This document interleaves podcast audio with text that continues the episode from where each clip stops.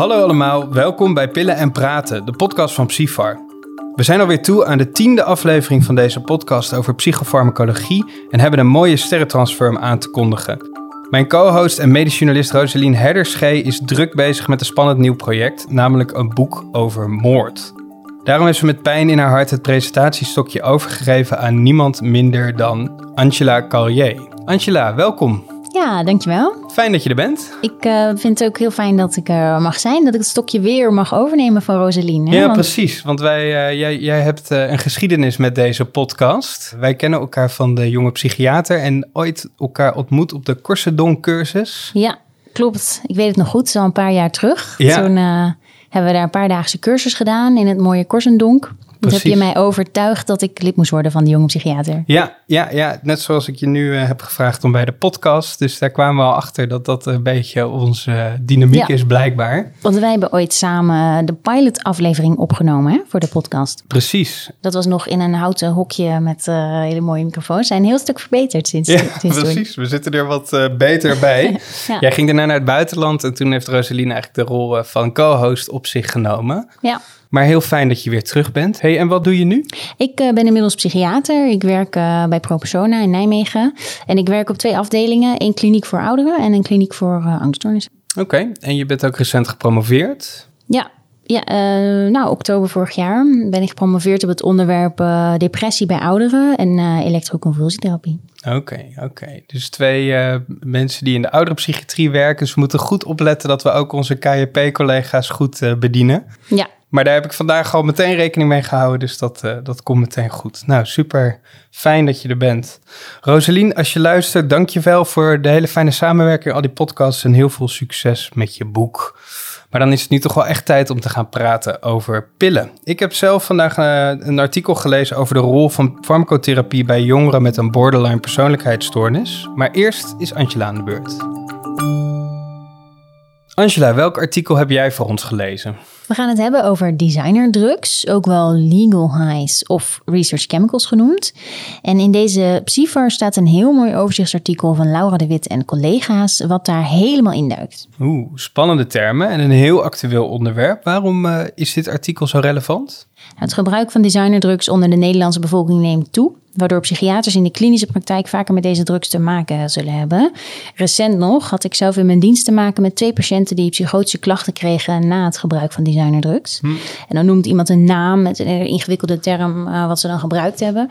Dan had ik geen idee wat dat dan was. Um, en ik wist al helemaal niet hoe lang de nadelige effecten dan konden aanhouden. Dus ik, ik liep daar wel tegenaan. Ja, heel herkenbaar. Ik ben ooit ook uh, begonnen in de verslavingspsychiatrie als ANIOS. Daar ontzettend veel geleerd. En het kwam niet zelden voor dat je dan iemand opnam die dan een of andere vierletterige drugs noemde waar je nog nooit van had gehoord. Geen idee wat je moest verwachten of het een upper of een downer was, wat de interacties waren. En dat was best uitdagend inderdaad. Maar wat ik mij altijd afvroeg, want het is een spannende term, designer drugs, maar wat, wat betekent dat nou precies? Designer drugs, in het artikel hebben ze het over nieuwe psychoactieve stoffen. Um, dat zijn stoffen die de werking van illegale drugs nabootsen. De stoffen vallen buiten de Nederlandse drugswetgeving, doordat ze qua chemische structuur net verschillen van drugs op de opiumlijst. En eigenlijk telkens als er een designerdrug aan de opiumwet wordt toegevoegd, dan komt er een vergelijkbare stof op de markt met net een andere structuur, die dan weer net buiten de opiumwet valt en daardoor legaal verkrijgbaar is. Um, en je kunt die stoffen eigenlijk gewoon op internet bestellen, heel goedkoop. En dan worden ze gewoon door de brievenbus gewoon opgestuurd. Um, en de meeste designerdrugs die zijn kortdurend op de markt en hebben een beperkt aantal gebruikers. En soms dan is een groep stoffen zo populair dat het uh, wel voor een grote groep gebruikers, uh, of eigenlijk op grotere schaal gebruikt wordt. Jeetje, dus echt uh, een soort kat-en-muisspel met ook de hele tijd in beweging als ik het zo, zo hoor. En ook dus kleine groepjes, lastig. Heb je een voorbeeld van bekende designerdrugs? Zeker. De bekendere namen zijn Benzofury, 4-FMP, 2CB en de 3-MMC.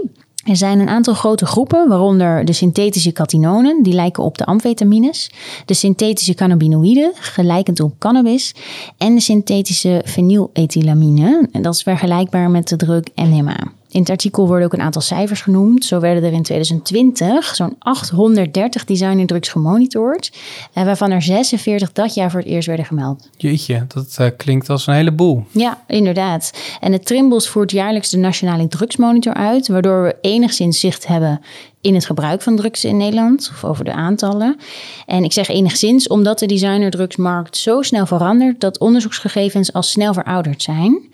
Eh, in het jaar 2020 werd het gebruik van de meest populaire designerdrugs, zoals de 3-MMC en de 4FA, onder uitgaande jongeren en jongvolwassenen werd geschat tussen de anderhalf en 9 procent. Uh, dus dat is alleen onder die groep jongeren en jongvolwassenen. En ter vergelijking, het gebruik van ecstasy in die leeftijdsgroep werd in 2020 geschat op 12% voor ecstasy.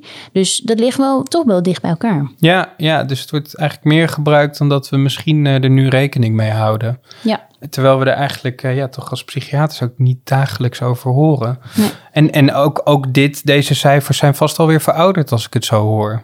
Ja, dat denk ik zeker. Ja, want die markt die verandert zo snel dat dat uh, nu alweer anders zou zijn. Misschien hm. wel hoger. En in het artikel staat ook een, een mooie uitgebreide tabel met daarin uh, designerdrugs die in Nederland relatief veel voorkomen. En ook de hoeveelheid gemelde intoxicaties, dan ook weer van het jaar 2020, die worden daar ook vermeld. En er staat bij of ze op lijst 1 of lijst 2 van de opiumwet staan. Ja, dat, dat moet je nog even uitleggen. De opiumwet die kent iedereen wel, maar hoe, hoe werkt die ook alweer precies? Ja, op lijst 1 van de opiumwet staan de middelen die een onaanvaardbaar risico voor de volksgezondheid met zich meebrengen. Dat zijn de harddrugs, zoals heroïne en cocaïne. En op lijst 2 staan de middelen met een aanvaardbaar gezondheidsrisico, dus de softdrugs, zoals cannabis en benzodiazepines. En zolang een designerdrug niet op lijst 1 of 2 van de opiumwet staat, valt het middel onder de wet en is het dus legaal verkrijgbaar. Ja, ja, en dat is dan bijvoorbeeld bij smart shops of zo waarschijnlijk, of gewoon online. Ja, nou ja, zo online bijvoorbeeld, hè, dat je dus via de brievenbuspost uh, kan bestellen. Ja. En um, in die tabel staat een voorbeeld van een, uh, van een middel, synthetisch katinon 3-MMC. Dat staat voor uh, eh, 3-methylmetkation. En de werking lijkt op dat van een amfetamine. En het werd ontwikkeld nadat 4-MMC in 2012 op de opiumlijst kwam te staan. Dus toen hmm. hebben ze daarna 3-MMC ontwikkeld. En die kwam dan in 2021 ook weer op de opiumlijst te staan, op nummer 1. En dat is een middel waarvan ik zelf de laatste tijd een aantal patiënten heb gezien met psychotische ontregelingen. En dat vond ik opvallend. Dus die 3-MMC die komt bij mij in de praktijk vaak terug. En in de tabel zie ik staan dat er in 2020 ook 64 intoxicaties met 3-MMC werden gemeld bij het Nationale Vergiftiging Informatiecentrum. Ja, precies. Dus dat, dat zou dan ook echt nog wel anders kunnen zijn dan bij 4-MMC. Dat, dat, dat weten we eigenlijk gewoon niet. Waar moet je eigenlijk op letten dan bij, bij dit soort middelen? Ja, in het artikel wordt niet gesproken over de potentiële bijwerkingen. Uh, daar is ook nog weinig over bekend, mede doordat er telkens nieuwe middelen op de markt komen. Uh, maar ik denk als je ermee te maken kijkt als psychiater, dan is het goed om te achterhalen binnen welke groep de designerdruk valt. Is het meer een amfetamine-achtig middel of meer een benzodiazepine? En je kunt ervan uitgaan dat de bijwerkingen lijken op die van de bekendere middelen. Um, waar je ook op moet letten, het is dus dat ze legaal verkrijgbaar zijn en erg goedkoop. Dus echt iedereen kan daar aankomen. En die nieuwe psychoactieve middelen die zitten niet in onze standaard urine drugscanning, die we ah. als psychiaters toch wel best vaak gebruiken. Mm Um, onze collega's kunnen daardoor nog niet gericht testen op deze stoffen, zoals we dat wel kunnen op cannabis en cocaïne. Ja, ja dus als je een negatieve urinescreening hebt, maar je lijkt eh, klinisch heel erg op een intoxicatie, dan zou bijvoorbeeld dit eronder uh, onder kunnen zitten. Ja, dat zou zomaar kunnen. Ja. Hm. En het, is, het komt wel voor dat er een kruisreactie optreedt in de immunoassay als de structuur van de designerdruk lijkt op uh, die van het geteste middel. Dus zo kan bijvoorbeeld 4-MMC kan positief uitvallen op de test voor amfetamine. Uh, ook kun je bij veel laboratoria wel een losse test naar een specifiek middel aanvragen. Maar dan moet je dus wel een verdenking hebben op een uh, specifiek middel. En uh, ja, we weten allebei dat patiënten meestal niet eerlijk zijn over hun drugsgebruik. Dus je zult misschien niet zeggen van nou ik heb 3 MMC gebruikt of 4 FMP of uh, 2 CB zeg maar. Nee, vaak in de spoedeisende setting is dat vaak lastig vooral als mensen in de war zijn. Ja, ja. Jeetje, dus dat is wel een lastige uh, positie voor psychiaters in de kliniek of op de spoed of bij de crisisdienst. Want uh, ja, je weet dus eigenlijk gewoon niet wat, wat, wat, wat voor stoffen de patiënt in zijn lichaam heeft. Nee, Nee, inderdaad. En uh, ja, ik kwam in het artikel ook nog een heel interessante en voor mij nieuwe term tegen, de, de psychonauten. En uh, dat is dus iemand, ik quote hier Wikipedia, die op ontdekkingsreis gaat in het universum van de geest. Dus een mentale reiziger.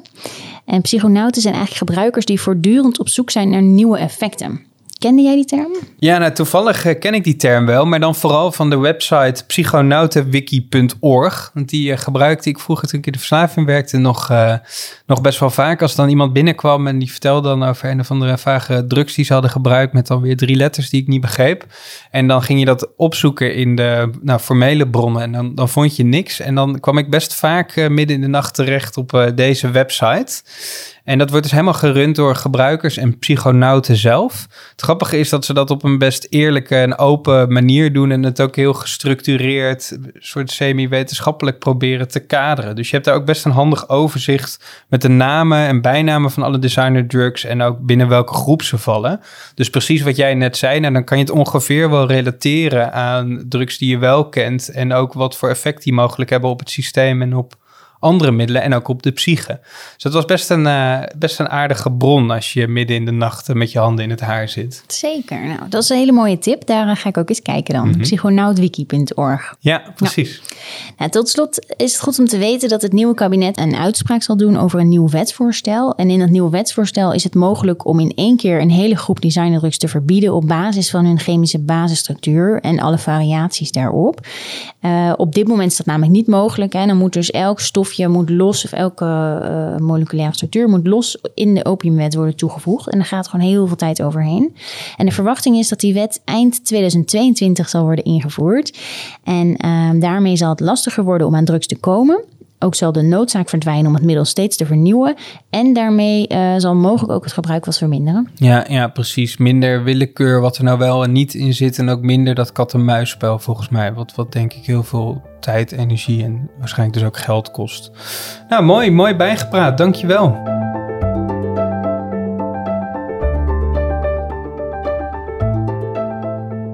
Cisco, wat heb jij vandaag voor ons in petto? Ja, nou wij werken natuurlijk allebei in de oudere psychiatrie. Dus ik had uh, eigenlijk meteen al het goede voornemen om het niet alleen maar over oudere thema's te hebben. En dat is direct gelukt, want ik ga het vandaag hebben over farmacotherapie bij jongeren met een borderline persoonlijkheidsstoornis. Zo, pittig onderwerp. Het roept bij mij meteen de vraag op, is er überhaupt plek voor farmacotherapie bij jongeren met een borderline persoonlijkheidsstoornis? Nou precies, dat is inderdaad een uh, goede en terechte vraag waar de auteurs ook uitgebreid op ingaan in het artikel. Het is geschreven door Kim van der Slobbenmaier en uh, daarbij een indrukwekkend rijtje ervaren collega's. En wat me opvalt is dat ze best hoopvol zijn en helder uh, over een stoornis die ja, altijd zoveel discussie oproept. Hoopvol, dat is mooi. En hoe definiëren de auteurs een borderline persoonlijkheidsstoornis? Nou, de auteurs zijn heel helder en beginnen het artikel met de volgende opgeruimde zin. Uh, een borderline persoonlijkheidsstoornis is een klassificatie die ook op jonge leeftijd gesteld kan worden en waarvoor goede behandelingen ontwikkeld zijn. Dus eigenlijk de hele filosofische discussie over wat borderline nou precies is en de geschiedenis laten ze een beetje voor wat het is. Ze baseren zich in het artikel ook op verschillende richtlijnen, zorgstandaarden en praktijkstandaarden en beargumenteren dan eigenlijk over de hele lijn dat farmacotherapie een optie kan zijn, maar nooit een vooraanstaande keuze in de behandeling is. En dat als je het al gebruikt, het altijd een integraal onderdeel moet zijn van een breder behandelplan. Waarbij niet alleen aandacht is voor symptoomreductie, maar ook eh, herstel in de bredere zin. Je noemt een klassificatie die op jongere leeftijd gesteld kan worden. Um, ik heb altijd geleerd dat je bij jongeren juist terughoudend moet zijn met het stellen van een persoonlijkheidsstoornis. Ja, dat, dat was ook uh, uh, mijn, mijn eerste reactie. Maar dat is ook meteen interessant, want uh, de auteurs beschrijven nu dat dit eigenlijk helemaal niet nodig is. Ze nemen expliciet afstand van hoe zij het dan noemen versluierende termen en halen onderzoek aan dat laat zien dat de criteria van persoonlijkheidspathologie voor het 18e levensjaar ook gewoon betrouwbaar en valide zijn. En heel belangrijk, eigenlijk net zo stabiel over de tijd uh, als bij volwassenen. Dus ze vinden het ook heel belangrijk dat borderline al tijdens de puberteit kan worden vastgesteld, zodat snel ook adequate hulp geboden kan worden. Uh, ze staan ook nog even stil bij het dimensionele deel 3 van de DSM, uh, waarbij persoonlijkheid dus nou ja, meer dimensioneel bekeken wordt. En ze benoemen dat uh, je ook je geregeld je beschrijvende diagnose en klassificatie moet herzien. En met name dat je dit dus ook open bespreekt met de jongeren en hun familie. En ze adviseren ook nog eens om goed te kijken naar comorbiditeit. Uh, en dat, daar halen ze onderzoek aan dat heel duidelijk laat zien dat naast borderline uh, ook nog stemmings- en angststoornissen, gedragsproblemen, problematisch middelengebruik en verslaving veel vaker voorkomen en dus ook aandacht vragen. Oké, helder. Wat zeggen ze over behandeling? Ja, hoewel het dus een artikel is over farmacotherapie, beginnen de auteurs terecht, denk ik, uh, eerst met uh, uh, psychotherapie, want dat blijft toch de basis van de behandeling voor borderline persoonlijkheidsstoornis.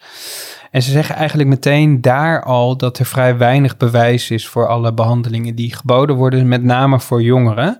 Ze wijzen op een, op een goede bron, uh, de Guideline Informed Treatment for Personality Disorders, wat een soort overzicht is waar gekeken wordt naar alle gemeenschappelijke elementen van uh, werkzame theorieën. Dus dat je ook iets minder vastzit in zo'n protocol en meer gewoon een beschrijving van goh, hoe, hoe ben je nou een goede therapeut voor deze specifieke patiëntengroep.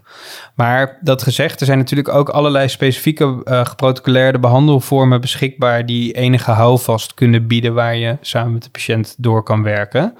Maar ook daar mist dus heel veel evidence, vooral bij jongeren. Ja, en, en eigenlijk is dat dan de hele drieletterige bingo kaart. Hè? Dus denk aan MBT, DGT, ERT, SFT, TFP.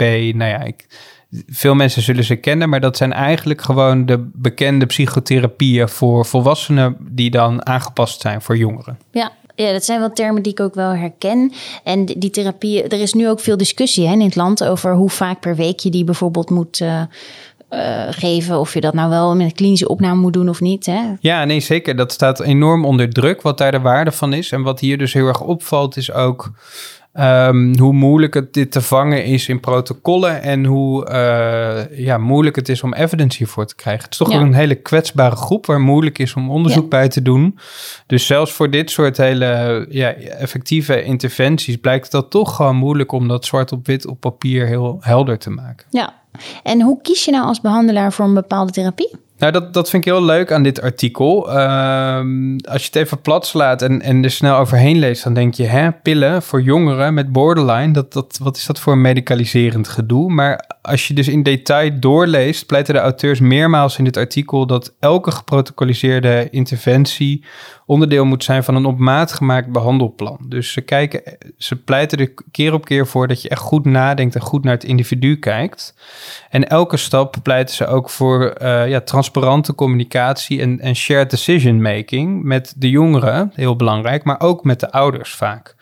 Dus ze waarschuwen heel duidelijk voor de valkuil van een quick fix en um, benadrukken het belang van contact en persoonlijke afwegingen. Ja, en dan uiteindelijk gaan ze toch over de pillen nog wel even hebben, hè? de farmacotherapie. Wat schrijven de auteurs daarover? Ja, nou, het is misschien een beetje gemeen in je eerste uitzending, maar ik dacht laten we beginnen met een vraag uit de nascholingsquiz van het artikel. Dan hebben de luisteraars die ook meteen cadeau.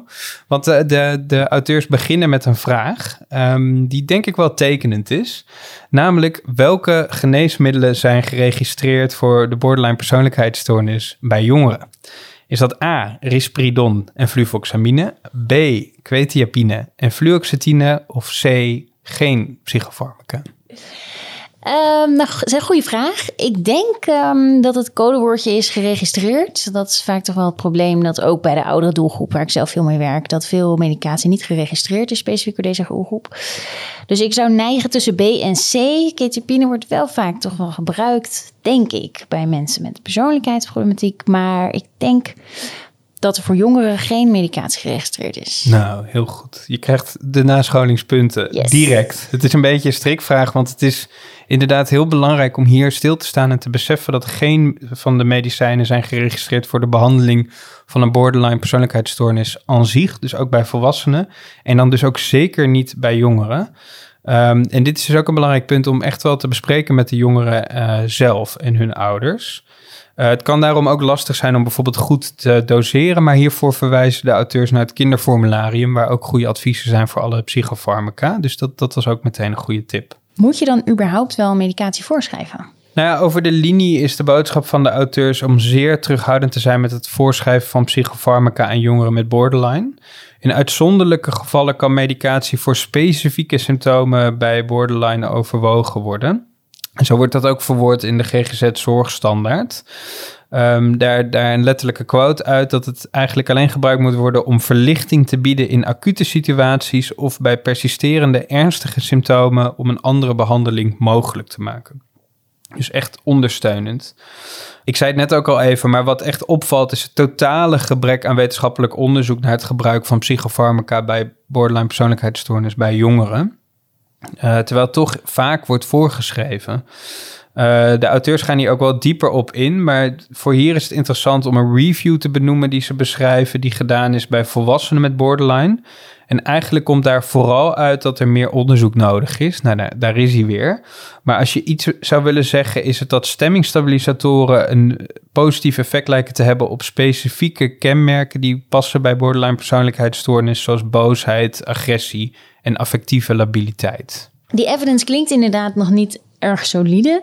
En je had het net al even over comorbiditeit. Hoe zit het daarbij? Is daar iets meer over te zeggen? Ja, de auteurs verwijzen hier simpelweg naar de relevante zorgstandaarden voor de comorbide stoornissen. Ze staan wel uitgebreid stil ook bij het concept comorbiditeit, wat, wat conceptueel natuurlijk al lastig is. Uh, maar zeker ook bij een dynamisch en, en zo'n veelomvattende stoornis als borderline bij jongeren. Dus ze pleiten ook weer voor psychotherapie uh, en terughoudendheid bij de farmacotherapeutische behandeling. Oké, en tot slot, wat zijn de potentiële nadelen van het voorschrijven van medicatie? Ja, nou, ik heb uh, toch ook al het gevoel dat we nog niet heel veel voordelen hebben gehoord, maar er zijn dus ook nog duidelijk uh, wat nadelen waar we echt even bij stil moeten staan. En er wordt met name gewezen op drie typen bijwerkingen van psychofarmaca die met name funest kunnen zijn voor jongeren met borderline persoonlijkheidsstoornis. Eerste is de psychoseksuele bijwerkingen, die, die zeker bij jongeren en adolescenten toch ook wel hun psychoseksuele ontwikkeling kunnen verstoren. En bij een stoornis ja, waar identiteit ook centraal staat, is, is dat natuurlijk wel uh, ja, iets, iets wat schadelijk kan zijn. Tweede wat ze noemen met name bij de antipsychotica, en je noemde net al even ketiapine, is gewichtstoename ook hier gaat het weer over identiteit en uh, dat het ja, voor je ontwikkelende persoonlijkheid toch wel uh, van invloed kan zijn als je enorme gewichtsveranderingen hebt. Maar ook puur de lichamelijke uh, ja, gevolgen van eh, het overgewicht op, tijdens adolescentie. En tenslotte, en waarschijnlijk zitten veel mensen al een tijdje met deze vraag in hun hoofd, toegenomen suicidaliteit. Dat is natuurlijk een uh, grote zorg, uh, maar ook wel een omstreden punt. Wetenschappelijk onderzoek naar de effecten van antidepressiva laten met name zien dat suicidale ideaties en handelingen toe kunnen nemen bij jongeren, met name bij de start van de behandeling. Maar de kans op een geslaagde suïcide blijkt dan weer niet verhoogd. Ehm, nou ja, daar zijn de boeken echt nog niet over gesloten. Maar goed, bij jongeren met borderline kan een toename van suicidale handelingen op zichzelf ook alweer heel risicovol zijn. Dus reden te meer om terughoudend te zijn en goed na te denken voordat je een middel start. Ja, ja, zo klinkt het voor mij ook inderdaad. Dus eigenlijk best wel uh, voorzichtig zijn met medicatie. Bij ja, ik denk, ik denk dat dat wel de, de, de, over de hele linie de, het advies van de auteur is. Wees voorzichtig, wees transparant en bespreek het ook vooral met de jongeren zelf. Dankjewel, Cisco. Oké, okay, dat was hem. Je eerste pillen en praten. Wat vond je ervan, Angela? Leuk, erg leuk om te doen. Ook leuk om al die artikelen van de Psyfar te lezen. En oh ja, toch ook fijn om weer met jou aan tafel te zitten. Ja, zeker. Nou, eens gelijks. Hey, um, om nog even samen te vatten. Wat vond jij nou het meest opvallend in jouw stuk over designer drugs? Het meest opvallende uit mijn stok, stuk vond ik toch dat um, de hoeveelheid designerdrugs die er bestaan. Echt 800 verschillende soorten en dan per jaar nog 84 nieuwe. Ja, dat, uh, daar was ik echt verbaasd over. Ja, ongelooflijk hè? Ja. ja. En jij Cisco, wat ga jij onthouden van het stuk over medicatie bij jongeren met een borderline persoonlijkheidsstoornis? Ja, ik denk toch wel twee dingen. De, enerzijds hoe weinig er nog bekend is. Uh, dat, dat er echt, echt zo ontzettend uh, weinig onderzoek überhaupt is naar deze patiëntengroep. Niet eens dan over farmacotherapie, maar ook over psychotherapie psychotherapie. En hoeveel terughoudendheid geboden is bij eh, het gebruik van uh, psychofarmaca bij jongeren. Maar dat het ook wel weer wel een rol kan hebben. En ik vond het heel cool om te zien hoe de auteurs steeds pleiten voor transparantie. Ook goed gewoon open en serieus communiceren met jongeren. En dat je dan toch in zo'n heel complex behandeltraject een goede lijn kan houden. Volgens mij echt een soort personalized medicine avant la lettre, maar dan ja, hopelijk wel op termijn met wat meer onderzoek eronder. Hey en Angela, jij hebt de Psyfar verder nog doorgelezen voor ons. Wat, wat stond er nog meer voor interessants in? Nou, er staat een mooi artikel in van onze collega's bij de jonge psychiater over de behandeling van tabaksverslaving bij mensen met een ernstige psychiatrische aandoening. En um, ik zag ook een long read over het wisselen van depot-antipsychotica door hoofdredacteur Arne Risselada. Ah, kijk, dat klinkt als een heerlijke farmacologische deep dive. Nou, we horen natuurlijk graag wat jullie allemaal van deze podcast vinden. Dit kan via het platform waar je het podcast luistert, maar ook via podcast.psyfar.nl. En je kan ons ook helpen door onze beoordeling te geven, want dat helpt anderen om hem te vinden. Dat was hem voor vandaag. Tot de volgende keer. Tot de volgende.